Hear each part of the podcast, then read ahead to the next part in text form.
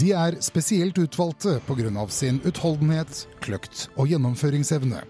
Hver enkelt har gjennomgått en av de hardeste opptakene i Forsvaret. De er kjent og respektert blant våre allierte for sin enestående kampmoral og evne til å løse de tøffeste oppdragene. Gang på gang har de vist sin dyktighet i skarpe operasjoner.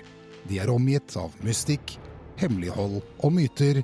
De er Forsvarets spesialstyrker. Et øyeblikk, en evighet, tar deg inn i en verden som til nå har vært skjult for publikum. I serien Lingeloftet vil vi få vite hvorfor Forsvarets spesialstyrker er blant de beste og mest etterspurte spesialsoldatene i verden.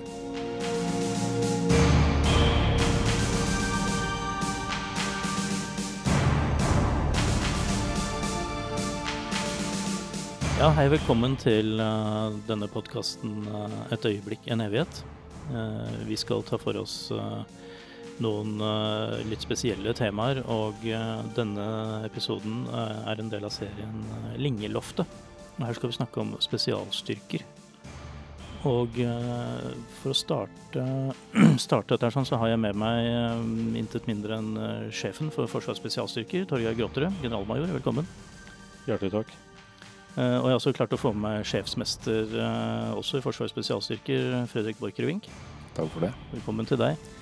Uh, og jeg heter Tom Amirati Løvaas fra Et øyeblikk i en evighet. Hva er egentlig formålet med å ha spesialstyrker? Vi vet jo at det er noe mystisk nå. Det er alltid en litt sånn et slør av mystikk rundt seg. Og dette er avdelinger som opererer under Eh, ikke under, men heller utenfor den regulære slagmarken. Eh, I, historisk sett så har vi mange eksempler på dette, her, sånn, og det mest kjente er kanskje da Odyssevs tok med en liten avdeling eh, utvalgte spesialsoldater, for å kalle det sånn, og krabba inn i en trehest som ble taua inn i byen Troja, og som gjorde at etter ti års beleiring så klarte grekerne å erobre den byen. Så det er vel en av de kanskje de første spesialoperasjonene vi kjenner. Eh, I moderne tid så kjenner vi jo de britiske Commandos og det tyske motstykket Brandenburgerne. Men uh, vi skal snakke om de norske spesialstyrkene.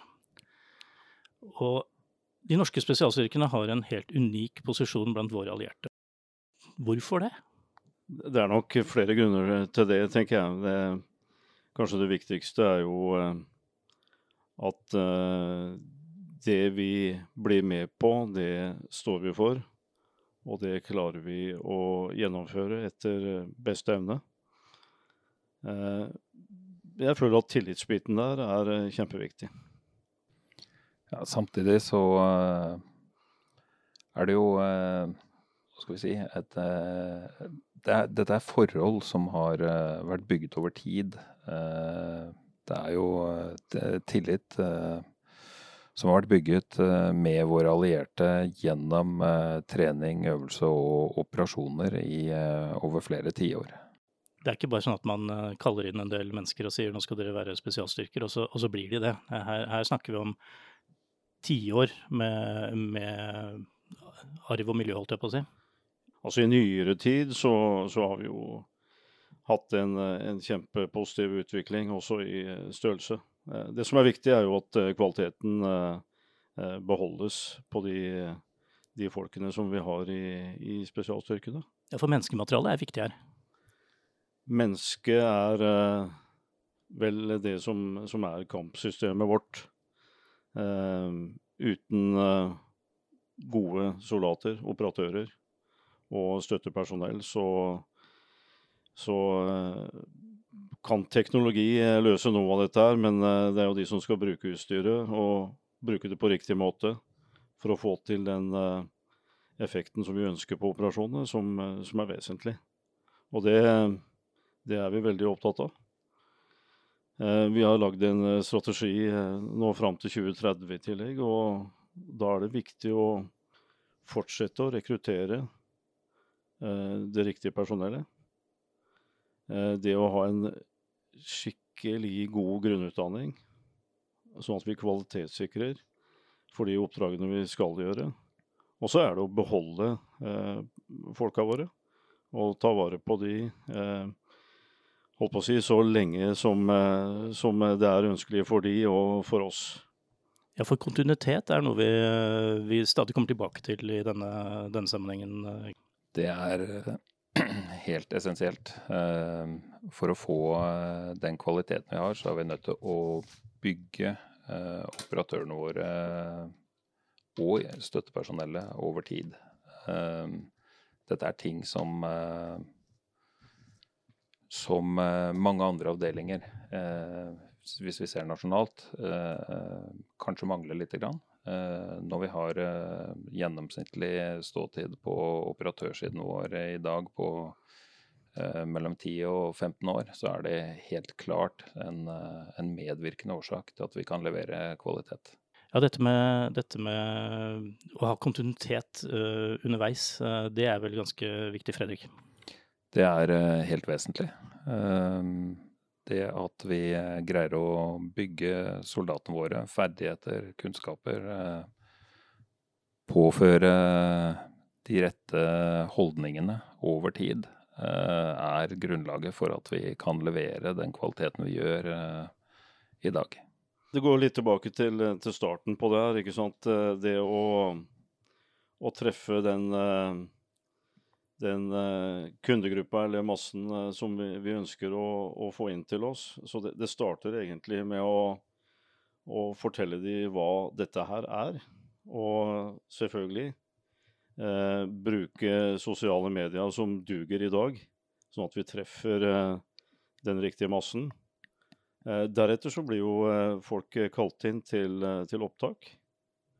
De får gjerne i forkant av det en treningspakke som eh, de bør gå igjennom når de, når de møter. Og så starter vi da seleksjonen. Eh, og seleksjonen, den, eh, den, stopper jo egentlig aldri. Men den, grunnutdanningen er, er ett år, hvor man må bestå de, en del krav som, som stilles, basert på de erfaringer som vi har gjort i operasjoner. Dette er noe, noe som uh, dere der ute helt sikkert er veldig opptatt av, de som hører på, på oss nå. Kan du si noe om hvilke kriterier, konkrete kriterier dere ser etter? Er det, er det om å gjøre å være størst mulig og sterkest mulig og ikke ha hals? Du skal ha løfte 200 kg i benken og kunne fly helst, eller, eller, eller hva ser dere etter? det vi ser etter, da, og så vil eh, Fredrik fylle på her, for der tror jeg vi er ganske enige om det også det er jo eh, Det er jo egentlig eh, vanlig norsk ungdom som har en vilje av stål. Og evner å gå den ekstra mila. Det betyr at fysikken må være til stede. Derfor det her treningsprogrammet som, som er en fin sak før man blir utsatt for, for seleksjon. Og det fysiske henger jo sammen med det psykiske, selvfølgelig. Og det å i en, eh, i en opptakssituasjon eh, sette seg kortsiktige mål, eh, slik at man eh, At det ikke begynner å rote til i, i hodet eh, om at dette her er en never-ending eh, story. Og, og, dette blir jo testa i forbindelse med de opptakene som vi har av våre operatører på en god måte. Og det er jo basert på, på, erfaring. Det er jo erfaring som går eh, ikke bare 20 år tilbake, men det går tilbake til, eh, til opprettelsen av eh, Kompani Linge i Skottland. Ja, for vi går hele tiden tilbake i historien her, Fredrik. Det, vi kommer liksom det, det, startet der. Det startet i Skottland.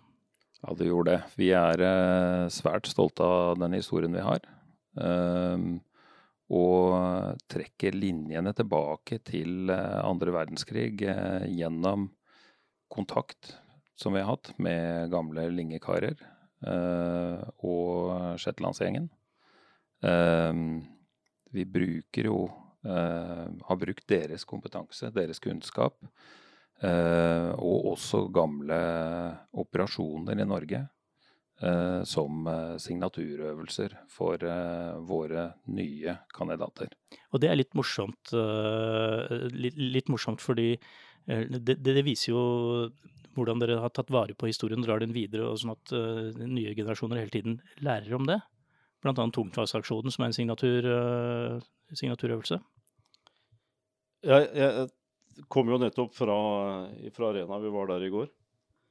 Eh, og da er det altså 20-åringer, eh, fallskjermjegerne i tilfellet her, som, eh, som har fått eh, i oppdrag inne på Hardangervidda å gjøre nøyaktig den samme operasjonen som eh, ble gjennomført da under andre verdenskrig.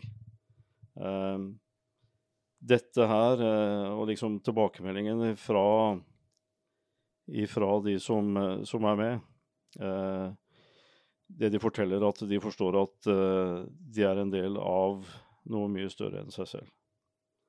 Eh, det å vite hvor man kommer fra, det å ha rollemodeller, som vi hadde i, i karene fra Kompani Linge, Shetlandsgjengen osv., det betyr noe. Og da har man et utgangspunkt, og man har noe å strekke seg etter. Den gangen så var jo utstyret ikke nødvendigvis det samme som i dag. Så det gjør jo også enklere å gjennomføre de samme operasjonene. Men terrenget er det samme. De må ned juvet.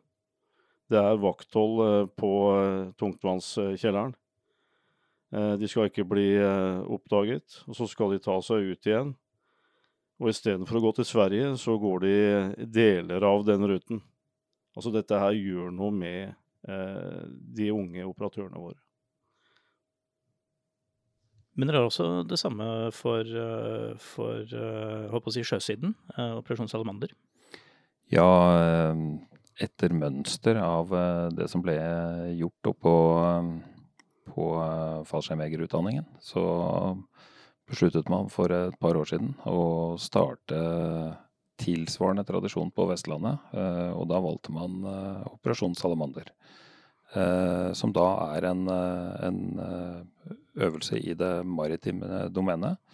Men hensikten er jo da å gi noe av den samme historieoverføringen og forståelsen til de unge karene som har valgt denne yrkesveien.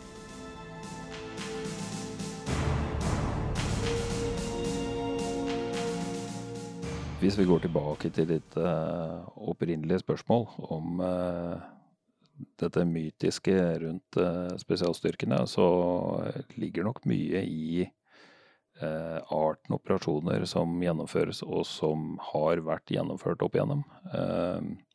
Det er en del hemmelighold. Vi syns selvsagt at vi er svært åpne. og får stadig vekk høre at det er vi ikke. Um, og det, det, er klart, når man ikke får vite alt, så overlates en del til fantasien. Og ehm, ja, hva skal vi si um, det, Vi er egentlig ganske åpne hvis vi sammenligner oss med andre allierte. Men så er det naturlig nok en del operasjoner som gjennomføres, som ikke blir snakket om. Og det er nok også med på å skape denne, denne myten.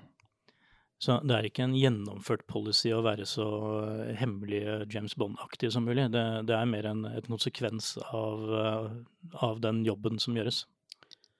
Det som er viktig for meg, da, det er jo at uh, de, de, som er i spesialstyrkene, de må, må også få lov å, å ha fritid. De har familie etter hvert. Og eh, vi ønsker jo ikke å signalisere nødvendigvis hvem dette her er til, til, eh, til hvermannsen ute i, i, Norge. Så det som går på å, å, skjerme eget personell, er superviktig i så måte. Det er jo derfor også at uh, det er noen uh, offisielle som, som, er utpekt. Fredrik og meg i tilfellet her, og noen få andre som, eh, som da tar eh, eh, mediekontakten og uttaler seg. Slik at de som er i aktiv tjeneste i skvadroner og tropper og patruljer, kan fokusere på det de skal gjøre, og det er å bli god på, på faget sitt. Det er veldig morsomt å høre dere snakker om fag. Et av de fagområdene hvor vi har vært veldig involvert, og nå skal vi ikke gå i detalj på operasjoner, men det er jo nesten 20 år i Afghanistan. de erfaringene som dere har høsta der, hvordan, hvordan, kan dere sammenligne med hvordan det var før Afghanistan, og, og de erfaringene dere har gjort uh, under den, den, tiden? Vi har jo snart vært i Afghanistan i 20 år. Og det er en uh, det er altså two decades, som, som amerikanere og briter kaller det. Det er, det er ganske lenge. vi har lært veldig mye av operasjonene i Afghanistan. En god del av dette er overførbart til forsvaret av Norge. Og det som si de seneste årene har blitt mer og mer fokus, det å ha, det å ha gode planer for vår rolle i, i, forsvaret av Norge. hvor da kontraterror og det å være en, en responder etter politiet er en av oppgavene, selvfølgelig. Eh, vi eh, har gjennomført forskjellige typer i operasjoner i Afghanistan. Alt fra i starten å innhente vesentlig informasjon for å skape situasjonsforståelse. Eh, og det å bevege seg til fots med sekker på 50-60 kilo og legge seg i OP og, og ligge og, og rapportere til eh, å bli mer mobile eh, og bruke kjøretøy. Og da utvikle de mobilitetskonseptene som, som er viktige for spesialstyrkene anno 2020. Vi har trent afghanerne, og vi starta opp med, med spesialpolitienheten i Kabul, altså trippel 2 som vi kaller den, i 2007. Eh, og eh, vi har fått løftet status fra det som var eh, starten på en rekruttskole av personellet, til et nivå som er antageligvis noe av det beste i verden når det gjelder kapasitet. Og uten tvil så har de da dessverre en masse erfaringer i tillegg. Du sier dessverre, for det har jo vært drama hele veien. Det er vesentlig, tenker jeg, å, å, å, bidra med noe som, som, går på tryggheten, sikkerheten til den afghanske befolkningen. Uh, og uten tvil så, så har jo Kabul behov for en tilsvarende styrke som beredskapstroppen i Oslo politidistrikt. Og det var også motivasjonen og tankene som vi startet med initielt og så har vi bygd stein for stein. Det som er viktig i så måte, det er jo å ha eh, et eh, godt forhold til de man eh, skal trene opp. Og det, det, er de som eh, bor i landet, og det er de som eh, bestemmer. Og det er de som skal bli gode også, og løse opp, oppgavene selv.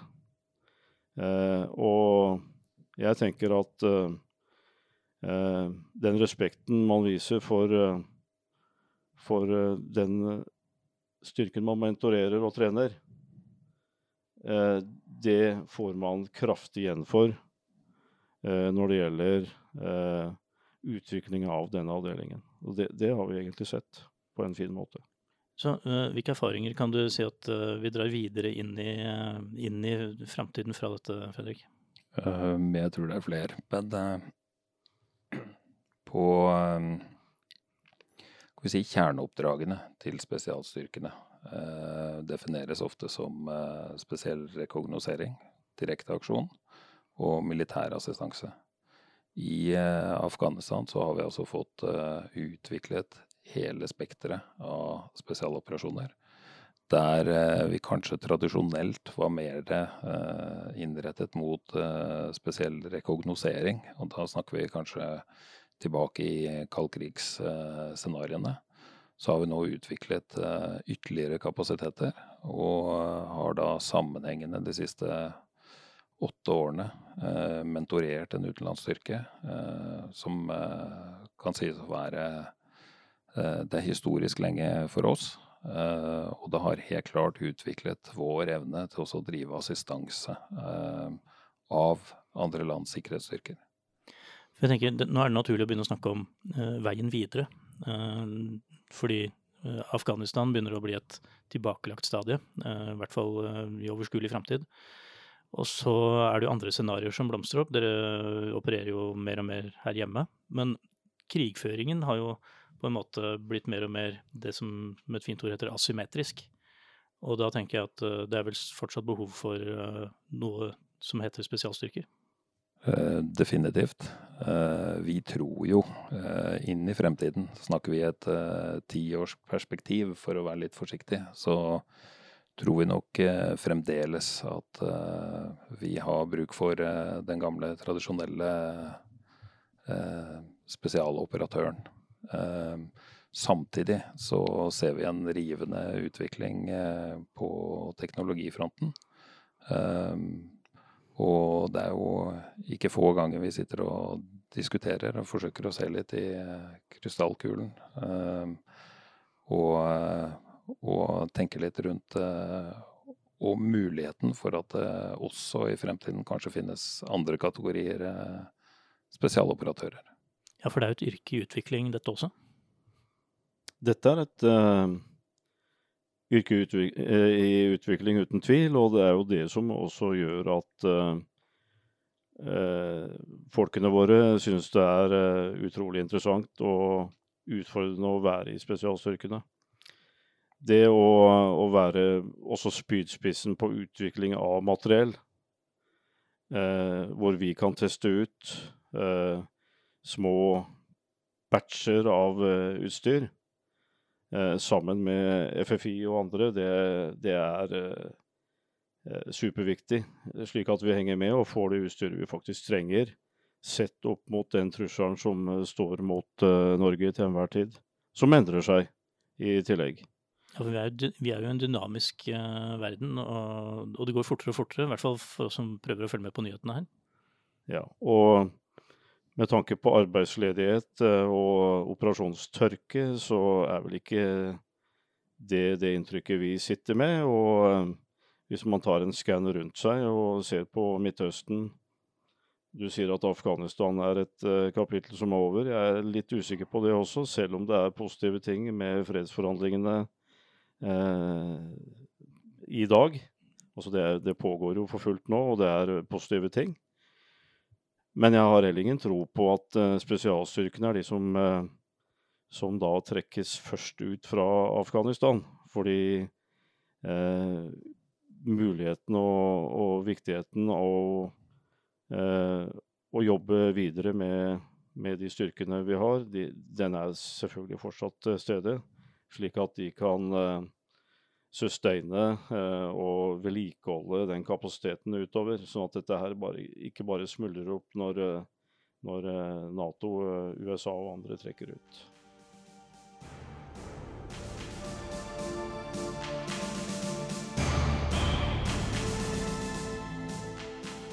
Når det gjelder forhold til våre allierte, så, så er jo dere også en særstilling. Eh, så vidt jeg har forstått, så er jo spesialstyrkene blitt uh, trukket frem uh, rett som det er uh, av andre av våre allierte. Det, det, er jo noe å ta med seg. Ja, det er jo Det er jo som vi var inne på i sted. Det, det er jo en tillit som er bygd opp over 75 år, da. Det går tilbake til andre verdenskrig og, og selvfølgelig Eh, så er Storbritannia er jo i så måte en eh, viktig eh, samarbeidspartner, og der har vi et veldig godt forhold. Det samme gjelder med, med amerikanerne. Dette er jo viktige allierte også i en Nato-ramme. Tillit er noe som bygges over tid. Tillit og kommer også av de resultater vi får og klarer å utføre i forbindelse med de operasjonene vi har, eh, har gjennomført ute i verden. Eh, det at vi også har en beredskap hvis noe skjer her hjemme, er også tillitsskapende og veldig vesentlig for, eh, for Nato og, og, andre allierte som vi jobber sammen med. At vi har et svært seriøst og kompetent system som kan settes i sving når, når det er behov for det. Eh, og uten tvil så er det ikke Det står ikke på andre nasjoner og andre aktører som vil jobbe med oss. Og så er vi fortsatt så, såpass, eh, såpass små i størrelse at vi må gjennomføre en knallhard prioritering rundt det, selvfølgelig. Jeg tror også eh, skal vi si, vi snakket litt om utvikling de siste 20 årene. Men jeg tenker også utviklingen videre kommer til å bære preg av at vi først og fremst dimensjonerer oss for forsvaret av Norge. Det er det vi baserer eh, eksistensen vår på. Eh, og så ser vi at eh, den treningen vi gjør her hjemme, de forholdene vi trener under, det gjør oss også svært relevante i andre typer operasjoner. Også med tanke på ut, videre utvikling, så har jo vi også behov for å vokse litt slik at vi også kan eh, kompetanseheve, altså ivareta personellet vårt på en enda bedre måte enn det vi gjør i dag. Eh, vi har fått eh, en luftdimensjon med god, godt samarbeid og støtte fra Luftforsvaret, altså helikoptrene, inn i spesialstyrkeorganisasjon. Og her trenger vi også helikoptre som som kan løse disse oppdragene Fredrik var inne på i forbindelse med et forsvar av Norge. Så det, det, er jo da ting vi har spilt inn, eh, eller som forsvarssjefen har spilt inn i sitt fagmilitære råd til eh, departementet.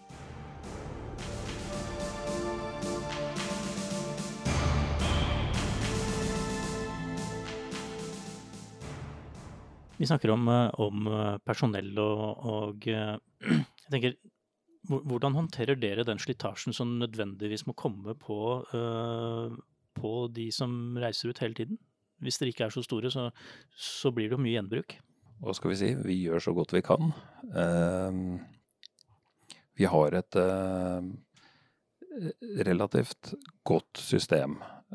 nå skal det vel sies først da, at det er kanskje ikke den mest familievennlige jobben du kan velge. Eh, men når du først en gang eh, har valgt eh, å jobbe i spesialstyrkene med den arbeidsbelastningen det medfører, så har vi satt opp et rutinemessig og noe vi mener er et relativt robust system for på best mulig måte å ivareta de ansatte. Det dreier seg om eh, familiesamlinger eh, i forkant av operasjoner. Eh, det er eh, oppfølging av personellet, de som er ute, mens de er ute. Det er mellomlandinger med oppfølging av personellet som har vært ute når de kommer tilbake. psykolog, legetester osv. Og, så og um, et godt system, også da i samvirke med Forsvarets sannhet, FSAN, um, og Institutt for uh, militærpsykiatri og stressmestring. Slik at vi har et godt, robust system, i tillegg da også til en, en egen kollegastøtteordning som skal Som vi mener er relativt god i til å, å ivareta personellet. Og så skal det sies at uh, vi kan alltid bli bedre. Uh, og dette er noe som står uh, høyt på prioritetslisten til sjefen. Dere har også klart å, å takle det å, å, tåle tap. Det må jo ha vært en, en, øvelse også for deg som sjef, Torgeir? Ja, det, det er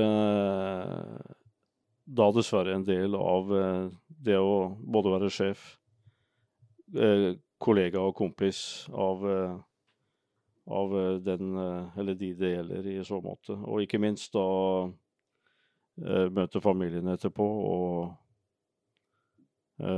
både lytte og prøve å fortelle hva som, hva som har skjedd. Så det, det, her er jo Det er også en del av jobben. Vi har Altså ett tap er selvfølgelig altfor eh, mye, uansett. Eh, og vi har, vi har, fått noen tap. Eh, men min påstand er jo også at eh, basert på både den treningen vi har, de menneskene vi har, eh, og det materiellet vi har med oss, og som vi kan bruke, så er det alltid fokus å selvfølgelig minimere risikoen i forbindelse med operasjoner. Men av og til kan du også være litt uheldig. Og, og det har vi vært uh, ved et par tilfeller i så måte. Um, et tap er jo av en uh, god soldat, operatør, eller operatører, det er uh, et arr som aldri forsvinner. Du kan prøve å scratche det bort, men det vil alltid være noe i, i vevet, ikke sant. Så Og det er Det er jo den ultimate påkjenningen for, for en leder, og det er også den ultimate påkjenningen for en makker. Og det er den ultimate påkjenningen og en forferdelig greie for de pårørende, og ikke minst kone og barn og slike ting. Så vi har eh, dessverre fått, eh, fått, prøve det. Og eh, det som er viktig, er jo at vi, basert på den kunnskapen vi har fått rundt det, da, aldri glemmer å tenke på hva som trengs av, av støtte og, og, kompetanse og materiell på de som er ute i gatene eller er ute i ørkenen og, og, og gjør en jobb. Det, den, den, den biten, den, det er noe som enhver leder bør tenke over, tenker jeg. Dette er en av mange unike historier om selvoppofrelse og mot fra våre soldater. Her lar vi soldatene selv fortelle om de intense øyeblikkene, akkurat slik de opplevde det. Historier som rett og slett er blitt et øyeblikk, en evighet.